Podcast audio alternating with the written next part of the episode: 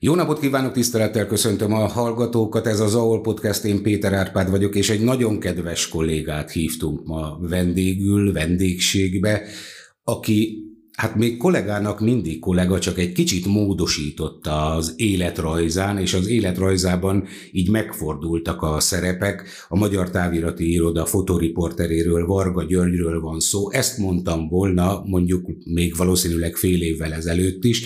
Most azonban azt kell mondanom, hogy tanárember lett, méghozzá önvédelmet tanít Nagykanizsán a Zsigmondiban. Jól mondom, a Zsigmondi uh, iskolában? Igen, igen, jól mondod, hát köszöntelek én is, és köszönöm a meghívást a podcast hallgatóit is. Hogy kezdjük a végén? Mi Jó. ez a váltás? És a, azt ugye róla tudni kell, bár szerintem Zala megyében azért nagyon-nagyon sokan tisztában vannak vele, hogy te a sportot, azon belül is a küzdősportot, azt nagyon magas szinten műveled, klubod van, versenyzőid vannak, te magad pedig én nem tudom, hogy milyen öves vagy, mert azt a rendszert nem ismerem, de egész magas szinten leledzel, tehát nem áll tőled messze ez a történet, de hát hogy kerültél, hogy keveredtél az oktatásba? Hát ez egy érdekes történet, az egész inkább apukámtól indítanám a történetet. Apukám nekem egy olyan ember volt, aki észrevette rajtam, hogy én makacs vagyok, és engem úgy lehet nevelni, hogy amit én nem akarok megcsinálni, vagyis nem engedte meg, hogy megegyem a főzeléket, mert tudta, hogy akkor meg fogom enni. Azt mondta, hogy fiam, te nem tudod lefényképezni a, a, a tengert, mert azt csak a fényképészek tudják, és akkor én elhatároztam, hogy én pedig fényképész leszek. Akkor azt más lettem, erre mondták még abba az időben, hogy ne sportoljak, mert úgyse tudok, úgyse kapok levegőt, a sportnak lőttek. Én visszamentem búvárkodni, ami a határozottan tilos volt, tehát egy életveszélyes cselekedet volt akkor, és, és nem hagytam abba a sportot, sőt, akkor azt mondtam, hogy akkor is, csak azért is megcsinálom. Tehát bennem mindig volt egy ilyen, egy dac, ami jelen pillanatban is kitart, és én mindig azt akartam csinálni, amit nem lehet, amit nem szabad, ami, ami ez éltetett. Soha nem akartam dolgozni olyan munkahelyen, amit nem szeretek, és én úgy érzem, hogy soha nem is dolgoztam, én megállás nélkül csak játszok. Megállás nélkül játszottam, hosszú évekig bár dolgoztam Matávnál, dolgoztam bicikliszerelőként, tehát voltak azért itt ilyen még fiatal korba kalandos utak, de hosszú ideig ugye a, maga az MTI fotózás is egy, egy játék volt, mert olyan helyzetekbe találkoztam akár veled is, meg olyan helyzetekben dolgoztunk, ami, ami, ami az egészen más munka, mint mondjuk Bár mindig. azért igen komoly játék. Komoly, komoly játék nyilván, tehát hogy, hogy azért én most látom azt, hogy a kollégák, akik esetleg egy picit a helyemet át akarják venni, mert ugye én most váltottam, most hobbi. Az MT és a, a, az önvédelem oktatás az megcserélte egymást, nagyon nagy a, a, a feladat, és nagyon nagy a, az elvárás, de ezt akkor tudom szerintem jól megcsinálni, és akkor lehet jól megcsinálni maximálisan, hogyha ezért az ember oda van. És autodidakta módon képzed magadat, részt veszel mindenbe, persze sulikba is eljár, stb., de hogy, de hogy nem az van, hogy mindig ezt mondom, hogy egy bankban lennék biztonsági őr, hát én három, harmadik perc után fejbe lőném magamat, ott nem állnék, és nem másolnám a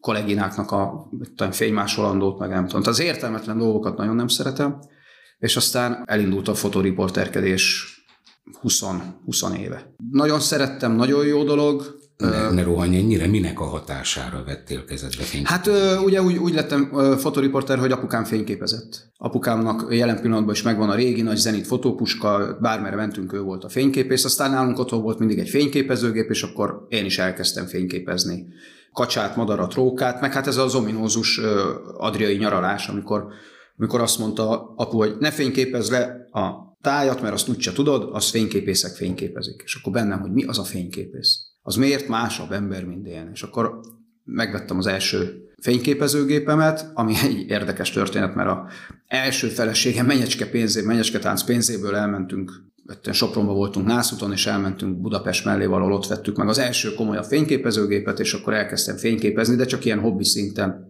itt ott, ott, aztán bekerültem a Kanizsa Fotóklub, menjünk be barátokkal. Érdekes, ott megismerkedtem a, a Szakony Attilával, Hát és Szakony Attilának a stílusa, meg az egész habitusa, hogy laza, hogy azt csinál, amit akar, hogy akkor megy oda, amikor akar, gondoltam én. Persze aztán jól tudjuk, hogy nem így van, de a külsőre ez így néz ki, hogy ő mindig ott van, amikor, és mindig elmegy a rendezvényről. Persze azért nem tudjuk, mert már az neki aznap a 18. rendezvény, és akkor már unja is az, aki menni a feleségéhez de, de mégis ilyen szabadság, és akkor ilyen pillanatban pont a Svincsepelbe dolgoztam, amikor megkerestek, hogy a Kanizsa újságnak kéne pár képet készíteni. Aztán megcsináltam a Kanizsa újságnak a pár képet, és akkor is volt bennem egy maximalizmus, hogy ezt csak jól lehet megcsinálni, sehogy máshogy. Aztán utána jött az Ati azzal a történettel, a Szakony Attila, hogy amikor ő elmenne Szabira, akkor fotóznék-e helyette. Aztán megkerestek az MT-től, hogy lenne egy-két dolog, azt le kéne fényképezni. Ugye látszik az újságban kifényképezés, akkor ha üres a terület, akkor megkeresnek.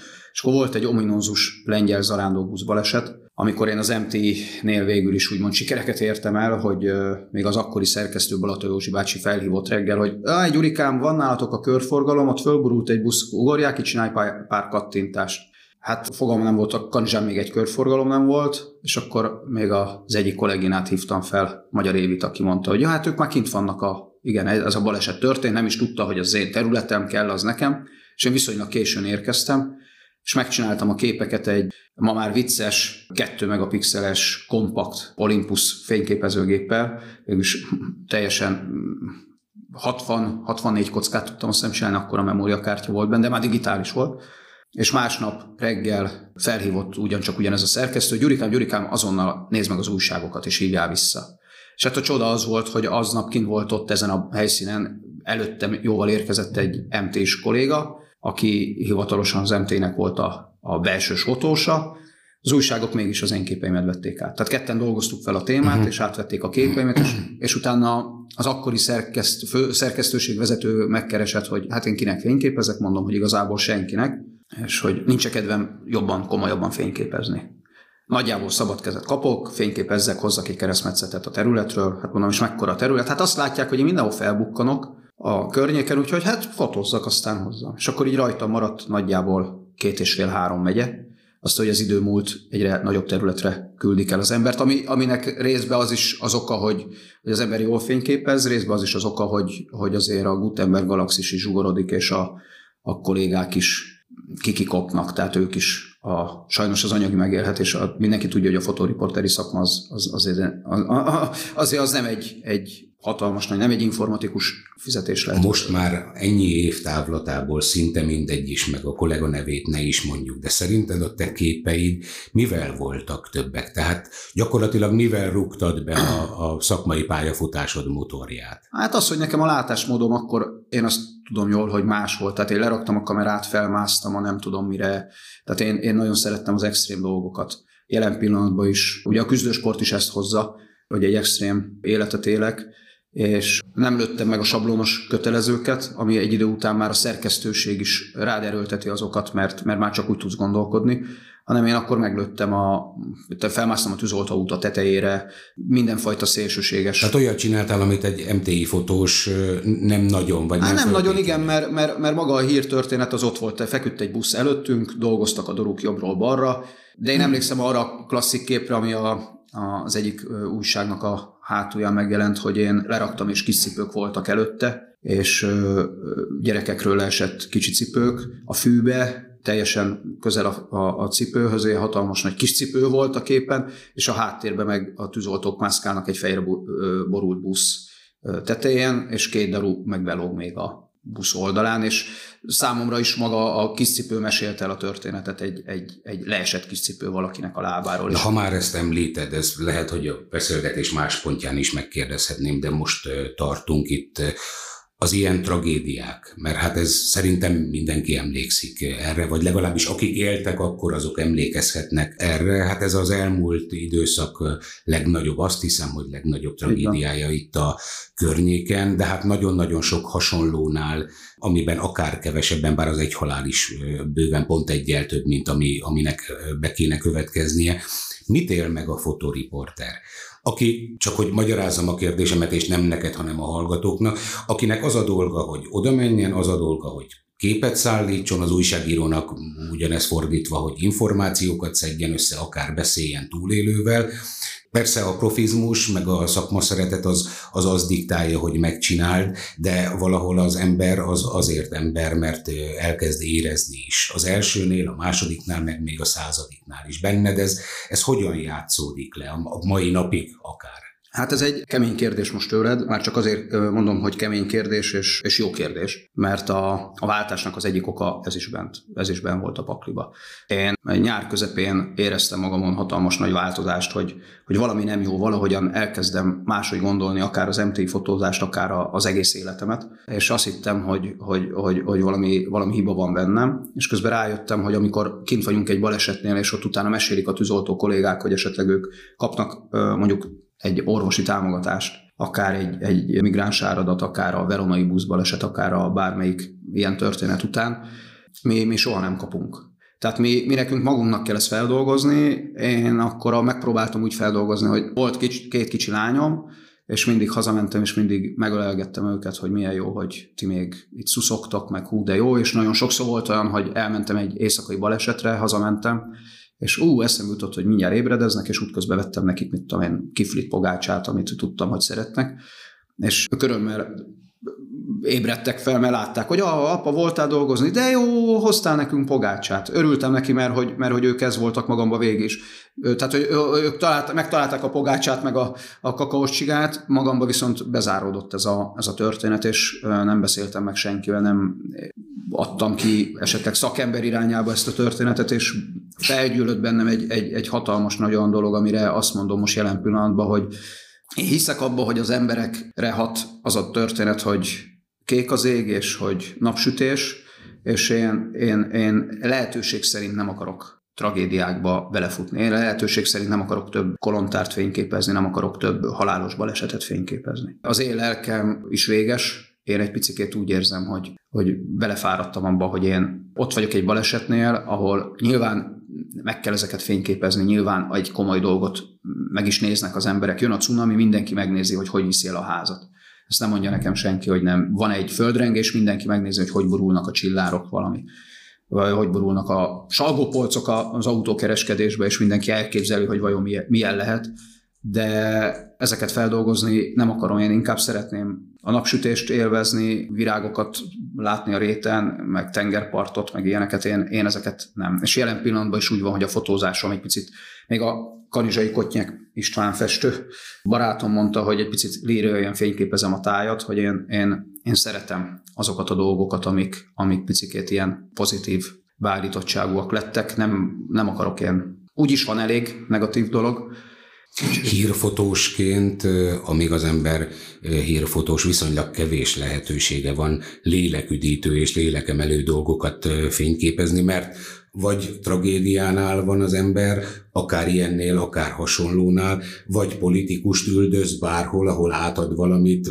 fölavat valamit, és nagyon kevés az olyan, bár hál' Istennek van, ahol van egy kis szellem, ahol van egy kis játékosság, ahol, ahol, ahol adott esetben még, még az ember jól is érzi magát, akár riporterként, újságíróként, akár fotoriporterként, szintén újságíróként, most én nyilván a mi szakmánkról beszélek. Neked mi volt az, ami, ami mégis közel állt hozzád, amikor hivatásosként fotóztál, nem amikor a saját gyönyörödre, örömödre, mert arról majd beszélünk külön. Hát én a mm, protokollt azt nagyon nem szeretem fényképezni.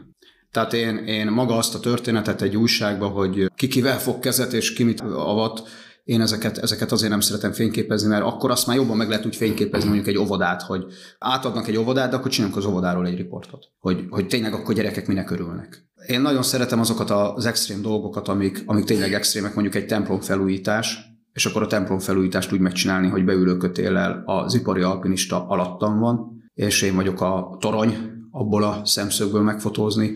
Nagyon szeretem a, egy kedvenc képen például, amikor a pár évvel ezelőtt a Balatonon elindult a balatoni vízimentőknek a szolgálata, nem is tudom, minek kell ezt most mondani, tehát elindult a vízimentés, és azt mondták, hogy na mostantól aktívak, és újból működik a viharjelzés, meg stb és akkor még kimentünk a, a Rupert mentőhajóval, és megkértem, hogy csináljunk egy olyan képet, hogy engem dobjatok bele a vízbe, pontosabban én beugrok, és mentsetek ki. És akkor én abból a szemszögből megcsináltam, hogy én vagyok a fuldokló, és nyúl felém egy kéz, és nagy látószöggel ott van a Rupert, és a fényképezőgép tokba volt, és félig a víz alatt, és hullámok átcsaptak fölötte, és a kezeket lehet látni, hogy vesznek ki. Tehát az ilyen, ilyen, ilyen extrém beállítottságú, és arra törekszek, meg törekedtem mindig, hogy lehetőség szerint mindenhonnét vigyünk egy olyan képet, ami, ami pont elmeséli azt a dolgot, hogy, hogy mégis ez miről szól. Ma már sajnos a, Személyiségi jogok miatt nagyon nehéz az utcán fényképezni egyébként. Ilyet klasszik történetem, amikor a Köröshegyi viaduktot átadták, és ott az utolsó előtti héten volt egy ilyen, megnyitották az embereknek, föl lehetett rá menni sétálni, de hát a híd korlát visszafele hajlik, és nehéz kifényképezni, és a, az anyuci megpróbált felmászni, fel is mászott valamennyire, de hát negatívba visszafele a híd hajlik a korlát befele, a híd korlátja, és az apuci megtámasztotta úgy, hogy a, a mamának megfogta a fenekét, majd fejjel beékelte oda magát, és hátra tette a kezét, és ilyen viccesen álltak ott, hogy hátra tett kézzel állt az apuci, és a mamának a seggénél volt a feje, és ezt akkor még meg lehetett csinálni, jelen pillanatban szerintem bent van még az MT archívumba, de nem hiszem, hogy ma már oda mennék, és azt mondjam, hogy legyen szívesek írják alá hozzájárulási nyilatkozatot, mert a, a MT el akarja rakni az önök ilyen vicces jelenetét. Úgyhogy annak ellenére én nagyon szeretem az olyan extrém nézőpontokat, ami, ami, ami tényleg azt mutatja, hogy, hogy mennyire magas, nagy hóesésbe, viharokba én nagyon szerettem fényképezni, én nagyon szerettem az árvizes történeteket, nagyon szerettem a kolontár is nekem bármennyire is egy, egy tragédia, egy kedvenc történetem volt, mert azt is tök jó végig lehetett fényképezni, hogy ott vajon mi történik. Az elejétől a, a, az első háznak a felépítéséig, Úgyhogy, úgyhogy igazából maga a, a nézőpont választás, ami, amit én mindig szerettem. Kanizsa és környéken annyira komoly sport nincs, úgyhogy a sport az, az, az, az távol állt tőlünk, akaratlanul is, tehát nem vagyunk mondjuk egy, egy Debrecen, vagy nem tudom, egy Veszprém, ahol olyan kézilabda élet lenne, de amit, amit protokollt, azt, azt, azt nagyon, nagyon nem. Vannak, voltak olyan személyiségek, akikkel szívesen találkoztál. Az, azért akár, mert jó volt lefotózni, lencse végre kapni, akár azért, mert valami olyan érdekes sztoriba keveredtetek úgy együtt, ami mondjuk nem mindennapos. Hogyne, hogyne, hogyne. Én nekem ez, ami nagy hiányérzetem meg az MT-nél, hogy én nagyon szerettem, ugye rengeteg kosudíjas, rengeteg érdekes embert kellett fényképezni, és ezekkel nagyon szerettem beszélgetni, és rengeteget tanultam tőlük, és úgy érzem, hogy hatalmas emberismerő lettem, bár ebben mindig aztán bele, belecsúszok, hogy ez nem biztos, hogy igaz, de mégis nagyon szeretem. Én nagyon szeretem Fejtő Feri bácsival, amikor, amikor még annó, még emlékszem, a, az egyik kollégád csinált fel egy interjút, és lestem a szavait. Nagyon szeretem Kassai Lajos lovasi Iászt, aki, akivel jó pár órát eltöltöttem, akkor Balaton északi partján létező Kossuth Díjas építésznél voltam, ahol megint csak olyan emberi dolgokat tapasztaltam, meg olyan történeteket, ahol amit, amit, amit úgy érzem, hogy ha egy gyárba dolgoznék, ugyanaz a gépsor, ugyanaz a történet, ha bárhol dolgozol, nem jön veled szembe ez a lehetőség, illetve ezekkel az emberekkel neked úgy kell kapcsolatot teremteni, hogy mindegyik más, mindegyiknek más a habitusa, kimész egy, akár egy balesethez, vagy bárhova, ott az egyik rendőr akkor fog beengedni, hogyha picit rámenősebb, vagy a másiknál meg kell találni, hogy nem, és ugyanez az igazság, hogy, hogy mikor elkezdek beszélgetni, mondjuk dolgoztam együtt a különböző államfőkkel, meg az ilyenekkel, ott is őnekik is igényük van arra, hogy jó kép szülessen, igényük van arra, hogy segítsél nekik, mert ők, ők teljesen rájön, rájöttek már erre a dologra, hogy a fotó az egy fontos dolog, és én úgy, úgy, úgy érzem, hogy mindegyik más, és mindegyik hozomány az én lelkemnek, tehát hogy mindegyik épít, mindegyik ilyen találkozás. Ez egy picit hiányzik most jelen pillanatban, hogy nincs meg. De mondom, Kassai Lajos, aki, aki rám nagyon nagy hatással volt, többek között aztán, aztán még biztosan sok, most így fejből nem úrik be, de, de hogy... Ugyanazt a hivatást űzzük, ezt a hallgatóknak azért mondom, mert lehet, hogy lennének, akik külön kezelik mondjuk, hogyha valaki újságot ír, vagy ha valaki fényképez, vagy ha valaki operatőr adott esetben egy televíziónál, de ez ugyanarról szól, csak talán a legnehezebb dolgod neked és a fotoriportereknek van, mert az újságírónak vannak szavai, meg vannak sorai, van terjedelme, én hosszabban elmesélhetek bármit. Egy operatőr nyilván nem egy darab vágóképből épít föl egy anyagot, hanem híradós anyagnál, 20-30-ból, magazinosnál meg akár 100 képet is használunk. Neked tisztelet a kivételnek, egy képed van, amivel el kell, hogy meséld azt a helyszínt, azt az embert, azt a történetet. Szerintem, ha most ezeket így ebből a szempontból összehasonlítjuk, neked, nektek van a legnehezebb dolgotok. Ez mekkora felelősség?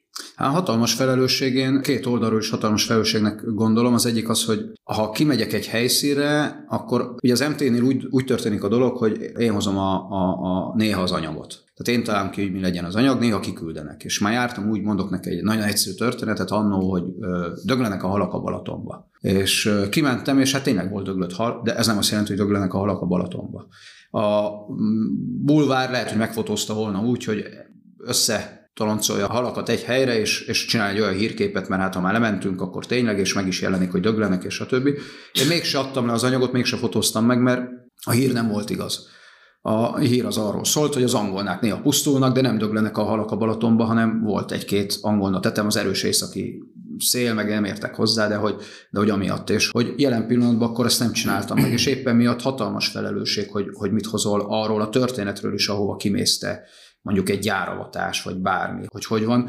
Ugye a nagyon érdekes dolog volt, még pont eszembe jutott, hogy a, az MT nem végfelhasználó. Amikor itt Zalegerszegen jó pár tizen évvel ezelőtt volt egy, egy, egy börtönben egy, egy haláleset, és utána mécsesek gyújtottak, tüntetés volt a börtön előtt, virrasztások voltak, stb. És arról megcsináltam a képanyagot, és nagyjából az összes újságban lejött a tüntetésről a képanyag, és mindenhol másképp jelent, meg más felirattal, más kép aláírással. Az egyik helyen azt írták le, ahol véletlenül egy, vagy nem is egy, egy ilyen kis szerényebb rendőr volt a képen, hogy a, mit talán tehetetlen a karhatalom, meg stb. A másik helyen azt, hogy hatalmasak az indulatok, ahol a totált fényképeztem, hogy sokan vannak az utcán, ott az, hogy nem lehetett bírni a tömeggel, tehát hogy mindenhol mind a saját nézőpontját rakta bele a, a, a, az újság, én mindig is próbáltam és próbálok objektív lenni, bármennyire is egy, egy picit, ugye ez a kedvenc pólom, amit be direkt a Ezt mind, mindjárt, mindjárt szóvejtünk róla. Tehát én, én mindig próbálok, próbálok lehetőség szerint olyan képeket adni, amik, amik hitelesek. Nyilván meg lehet fotózni, meg lehet valamit szélsőségesen, annak idején mindig, amikor kiszoktunk menni mondjuk egy óvodába fényképezni, és az újságíró kolléga, hogy megyünk az óvodába fényképezni, akkor mindig nyaktattuk, hogy de miért? Hát nem mindegy, hogy azért, mert rossz a bableves, vagy nem alszanak a gyerekek, vagy most avatták fel. Tehát, hogy mi az a szemszög, ahonnét fényképezzünk, a, az MT-nél erről szó sincs. Az MT-nél hála Isten, hogy ott lehetőség szerint azt kell lefényképezni, ami van. Annak ellenére, hogy én mindig úgy gondolom, hogy a kép akkor jó, hogyha vizuálisan beindítja azt, hogy ez egy szép kép, ránézel, hú, ez tetszik. Lehet az egy rengeteg kuka érkezett mondjuk a telephelyre, azt is lehet úgy lefényképezni, hogy hú, de gyönyörűek azok a kukák, pedig csak szemetes vödrök, tehát hogy, hogy annak ellenére szóba hoztad a pólódat, megtiszteltél azzal, mert mondtad, hogy szándékosan ezt vetted föl erre az interjúra. Ez egy fekete póló, az elején egy jól fölismerhető fényképezőgép van. Így van. Ez még tulajdonképpen így, ha rajtad meglátom, azt mondom, de jó, hát azonos. Hát milyen jó.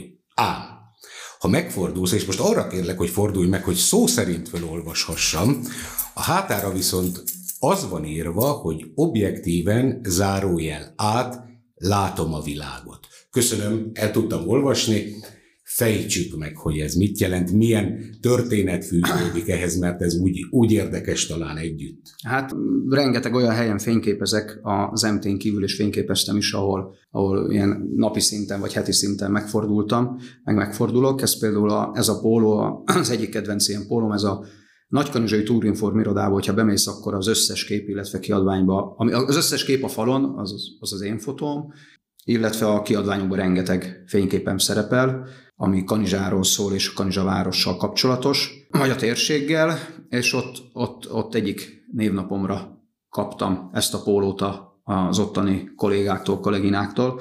Eltalálták a, a gondolatomat, mert, mert tehát én, én mindig erre törekedtem, akár az életbe is, a saját világomba is, illetve hát a fotóimmal is. Ez egy, ez egy fontos dolog, hogy, hogy hazudni semmiképpen nem akarok. Egyébként ezért rájöttem, hogy ezért nem szeretem én. És elnézést kérek most itt a, a mennyasszonyoktól, de az esküvő fotózást, mert hogy hát én úgy gondolom, hogy azért van csúnya mennyasszony, és van olyan dolog, amit én nem, nem akarok én részt venni az ő olyan boldogságukban, amiben én nem tudok osztozni. Ugyanígy én, én bevallom azt is, hogy egy, egy halálesetnél is én sajnálom, hogyha valakinek meghal a valaki, de hát én nem ismertem őt. Én az én lelkem aznap pont jó. Egy, egy régi történet, hogy még a, az akkori párommal mentünk le hozzájuk Orosházára, és a rádió bemondta, hogy ez halt meg, az halt meg, ez történt, az történt, és nekünk meg pont jó napunk volt, mert végre szabadságra mentünk, és, izé, és mondtam, hogy gyorsan el kell kapcsolni, mert velünk nem 12 rossz dolog történt, velünk most egy nagyon jó, hogy megyünk végre Szabira, és jól érezzük magunkat. Tehát, hogy én, én ugyanígy vagyok a fotóba is, hogy meg kell fotózni azt, ami történik nyilván, tehát ha történik egy nagyobb tragédia, azt, azt le kell fényképezni, de egy, egy területről, hogyha egy anyagot csinálok egy nap, az nem biztos, hogy pont arra az a jellemző keresztmetszet. Az egyik éned a, a fotózás, még órákig tudnánk beszélgetni, csak van egy műsoridő, de hát ezt neked nem kell különösen megmagyarázni. A másik éned, és szerintem legalább ilyen fajsúlyos az a sport, egészen pontosan a küzdősport, csak egy három mondatban elevenítsük fel a kezdeteket. Jó, elmesélted, édesapád hatására fényképezőgép, képet vettél a kezedbe, elkezdtél fényképezni, eljutottál erre a professzionális szintre, és remélem, hogy azért ez még az életed része is marad, mert hiányoznának, a, hiányoznának a képeid ez... a magyar sajtóból. No, de az életednek legalább ilyen fontos része, másik része a sport. Hát igen, mint klasszikus utcakölyök, Nagykanizsán nevelődtem a Herman Otto utcába, lakótelep, lementem focizni, apukám, anyukám teljesen átlagos szülők, szép családi életet éltünk, van egy nővérem, és lementem focizni a, a srácokkal, és nem, nem ment a foci. Mindig mindenkinek belerúgtam a lábába, és csak rám kiabáltam, menjek karatézni. Neked nem fáj? Hát mondom, nekem nem fáj, ha menjek karatézni. És akkor egy elkezdtem gondolkodni ezen a küzdősport dolgon, illetve hát akkor volt a nagy felmenőbe a, a Bruce Lee, akkor volt nagy felmenőbe a, a bodybuilding, ezek a dolgok, és egyből rabul ejtettek, én is azt akartam csinálni, én, én kommandós akartam lenni, én minden akartam lenni, én ilyen, ilyen különleges dolgokat akartam csinálni. Persze a honvédségnek a merev köteléke az annyira nem tetszett, az, azzal nem valósultam, és ez egy érdekes történet így a jellemembe is, mert ugye egyik oldalról a fotózáshoz hatalmas nagy szabadság kell, és hatalmas nagy kreativitás, nem elfogadás, én majd megoldom onnét, én majd megcsinálom, mert akkor lesz jó a kép, én be tudok menni oda, ahova nem lehet, stb. stb. Az önvédelem tanulás az pedig egy hatalmas nagy alázat és tisztelettel jár. Kedvenc podcastemben hallgattam, ahol a Szabó 2 László régi motorversenyzőnek a a, a fia mesélte, hogy az ő apukája tanította meg neki, hogy a nem, a nem tudom, a lehetetlen, ez nincs. És hogy ez, ez nálam is az volt, hogy a nem, a nem tudom, a lehetetlen soha nem volt. És amikor 14 évesen elkezdtem először még kungfuzni Nagykanizsán, utána katonaság, akkor abban maradt a küzdősport, és volt egy, egy olyan történet, amikor egy utcai verekedésbe véletlenül belekeveredtem, és nem jöttem ki jól, és bár elfutottam, nem lett komoly baj, de azért egy-két pofont kaptam, és egy-két kék-zöld volt lett rajtam, és akkor utána kitaláltam, hogy én valami reális küzdősportot szeretnék folytatni, és akkor a Matávnál dolgoztam pont, amikor az egyik kolléga odajött, hogy te itt van ez a, itt a laktanyában, a túri laktanya, vagy nem tudom, van valami jiu vagy jiu vagy valami ilyesmi. És bementem, és ott pont azt tanították, hogy én addigra már nagyjából tudtam, hogy milyen küzdősportok vannak, még viftam is, tehát már, már ez is, hogy a boxnál mindig azt mondták, ne váltsál alapállást, a cselgáncsanál nem lehetett rugni, a rugó edzéseken, ahol olyan volt, ott nem lehetett, mit tudom én, dobni, és itt meg azt mondták, hogy hát itt mindent lehet. Itt az a lényeg, hogy nyerjél és hogy old meg. És ez elején ennyit tudtam az egész jiu aztán, aztán jó pár évig csináltuk, és jött egy hatalmas nagy szünet, mert megszűnt a laktanya, megszűnt a, az edzési lehetőség, akkor még bekerültünk a határőr laktanyába, aztán egy-két helyen próbálkoztunk, a banda nagyjából szétszület, és ez csak jött egy ilyen isteni szikra, hát most már jó tizen pár évvel ezelőtt, hogy, hogy valahogy újra kéne kezdeni. De ez annyira isteni szikra volt, hogy pont aznap voltam apukámnál, amikor apu mondja, hogy te fiam, itt találtam ilyen fehér ruhát, meg ilyen öveket, meg nem tudom mit, mit csináljak már ezzel, meg van itt egy fotóalbum, és egy óra múlva találkoztam a régi edzőtársammal véletlenül spontán, hogy te egy úri, nem kéne újra kezdjük. Hát mondom, ne nincs ezen a gyalog, mondom, kéne valami mozgás is, meg mondom, ez, ez egy tök jó dolog, és mondom, csináljuk már, e, álljunk neki. De mint felnőtt fejjel ezt már jobban lehetett csinálni, mert akkor, akkor el lehetett menni keresni edzőtermet, össze lehetett toborozni a csapatot, hogy esetleg ki az, akit érdekel és elkezdtük a jiu csinálni. Ugye a jiu csak annyit kell tudni, Kelemeriu jiu amit én csinálok, Szoke Kelemen István, tizedik danos mesterünk, aki, aki egyébként mind érdekes, őróla is készítettem egy nagyon jó képanyagot, és ő is egy, egy ilyen hatalmas példaképem emberi mi voltjából és, és lelki mi voltjából. Tényleg, tényleg olyan, mint az egész jiu szövetségnek ő lenne az apukája. Egy nagyon jó történet, gondolat az egész és jelen pillanatban a teknek a kiképzési anyaga, maga a jiu Ők átalakították, és hát nyilván ott egészen más dolgokat oktatnak, mint egy utcai emberkének. Ha véletlen valaki a teket hirtelen nem tudná lefordítani, ugye ez a terror Így van, ez a terror központ. Hát ott vannak a, a kemény és nagy fiúk. Igen, igen, igen ugye azt kell, azt kell tudni, hogy minden küzdősportnál van egy, egy feladat. A feladat az az, hogy abba a küzdősportba együtt harcoló, együtt küzdő embereket le kell győzni. A jiu az egy régi harcművészeti mód, amiből alakult ki különböző egyszerűséggel, csak hogy, hogy nagyon egyszerűen értsük a különböző stílusok. Akinek tetszett, mondjuk hülyeséget mondok, a, a, a dobások, azok azt mondták, hogy ők csak dobnak. És aztán jött egy, egy ember, aki megalkotta belőle a, a judót, jelen pillanatban a cselgáncsot. Egy másik ember kivett belőle, kivett a dobásokat, ő neki nem kellenek a dobások, ő, ő csak rugott. Ez régen ugye a japán szamurájoknak köthető harcművészeti forma volt, ahol tele voltak páncéllal, de ha kiesett a kezükből a kard, vagy eltört a kard, vagy meg akkor is kellett dulakodni, és akkor, akkor dobjuk le, vigyük le a földre. Megütni nem lehetett, mert, mert rajt volt a páncél. Jelen pillanatban viszont a jogok miatt nem lehet valakit csak az utcán megütni.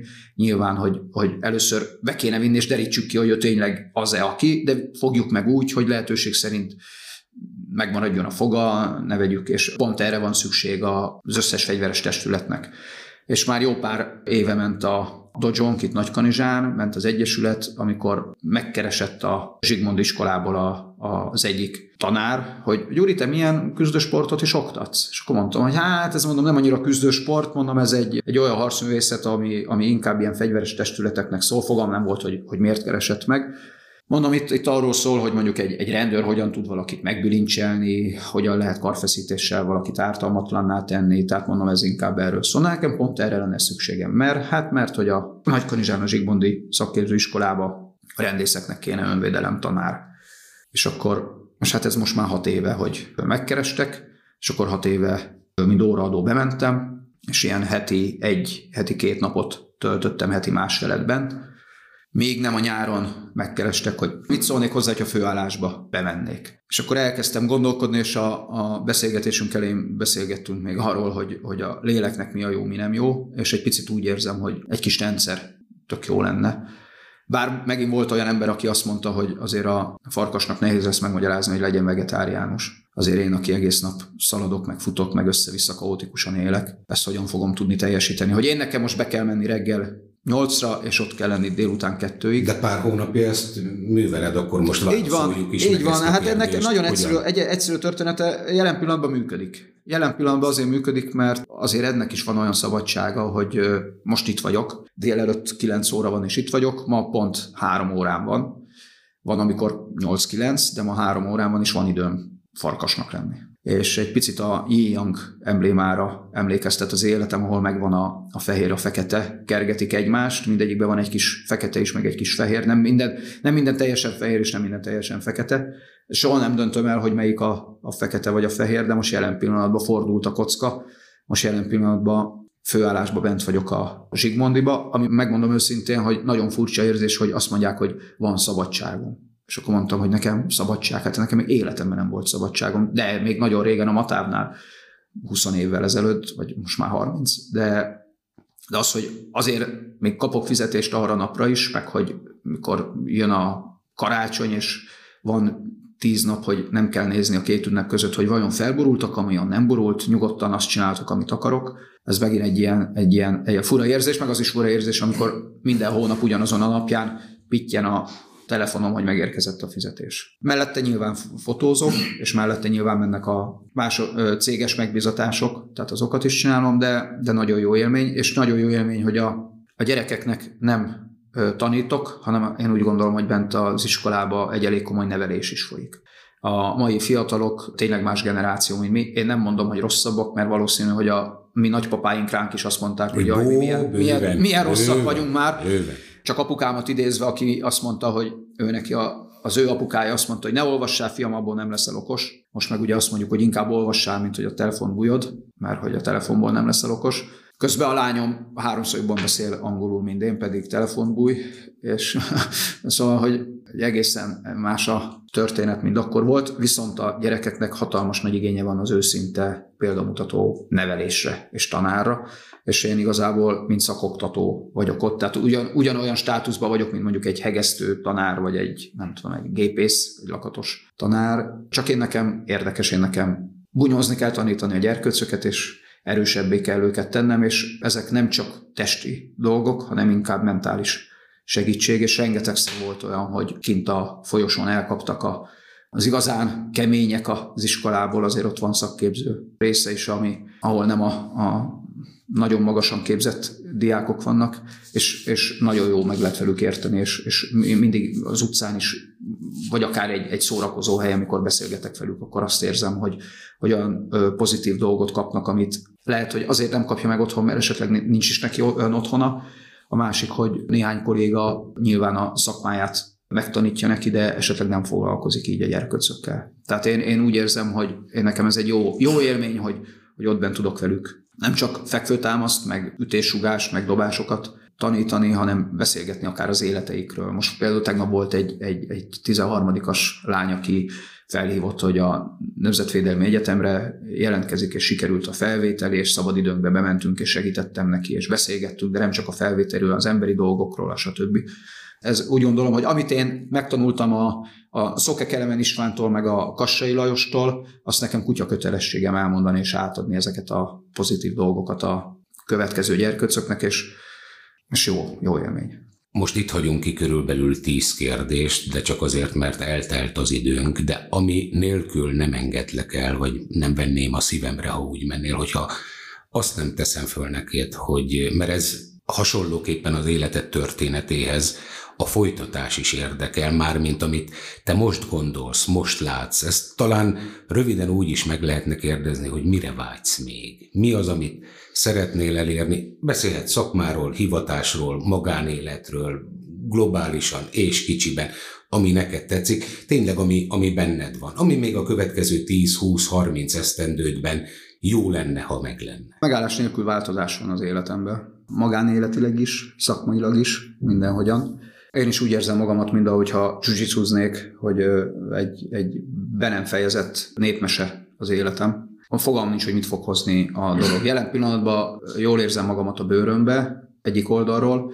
Az iskolába úgy érzem, hogy, hogy, hogy van még lehetőség az iskolába szeretném ezt még jobban úgy csinálni, hogy az onnét kikerülő gyerkőcök ne az legyen, mint én, amikor a Cserhátiba jártam, és a mi szakmánkból szinte alig maradt a szakmába valaki. Szerintem ez a legnagyobb kudarc egy tanárnak, amikor amikor utána a 12-esekben, 12-eseket azt látod, hogy hatalmas műkörömmel jön a lány, mert tudod, hogy ő soha nem fog kesztyűt venni a kezébe. Nyilván nem is kell minden lánynak tekesnek, meg testőrnek lennie, meg nem is az a cél és pont ez, ami, ami egy pár hónappal ezelőtt világosult meg bennem, hogy ha ezek a lányok soha nem lesznek rendőrök és fegyveres testület tagjai, akkor is olyan pozitív dolgokat adtunk nekik a nevelés folyamán, és a négy év alatt, vagy öt év, vagy három év, amennyit oda járt, hogy, hogy amit lehet, hogy egy másik szakon, ha elmegy egy, akár egy gimnáziumba is, és nem tanítanak neki ilyet, nem beszélgetnek velük ezekről a dolgokról, akkor nem kapja meg. Úgyhogy én úgy gondolom, hogy a, a, az iskolát azt, azt, azt mindenképp kéne erősíteni. Hát ott szakmai dolgok, bízok abba, hogy azért, azért a közoktatás, meg ez a, ez a dolog is javul egyre jobban. Fotózásban én bízok abba, hogy a, az MT-re még hosszú ideig szükség van, és a, az MT-nek közszolgálati feladatai vannak. Én nagyon szeretem egyébként, és úgy gondolom, hogy nézegetem a régi képeket, amikor mondjuk egy kanizsa városról van egy kép, és nem, nem történik a képen semmi, és mennyire, mennyire fontos egy, egy régi emlék, egy régi, régi dolog.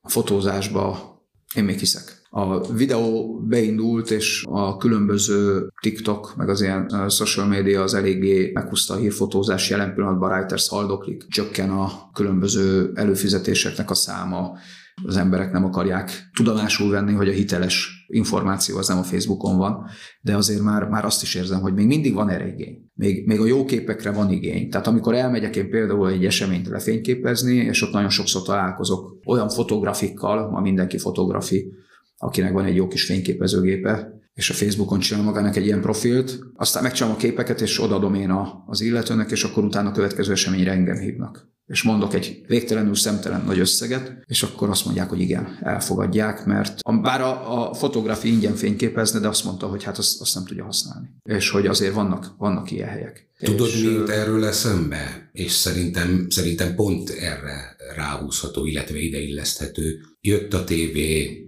jött a videó, jött nagyon sok platform, a mozi nem tűnt el. Igen. A mozi nem Igen. halt meg.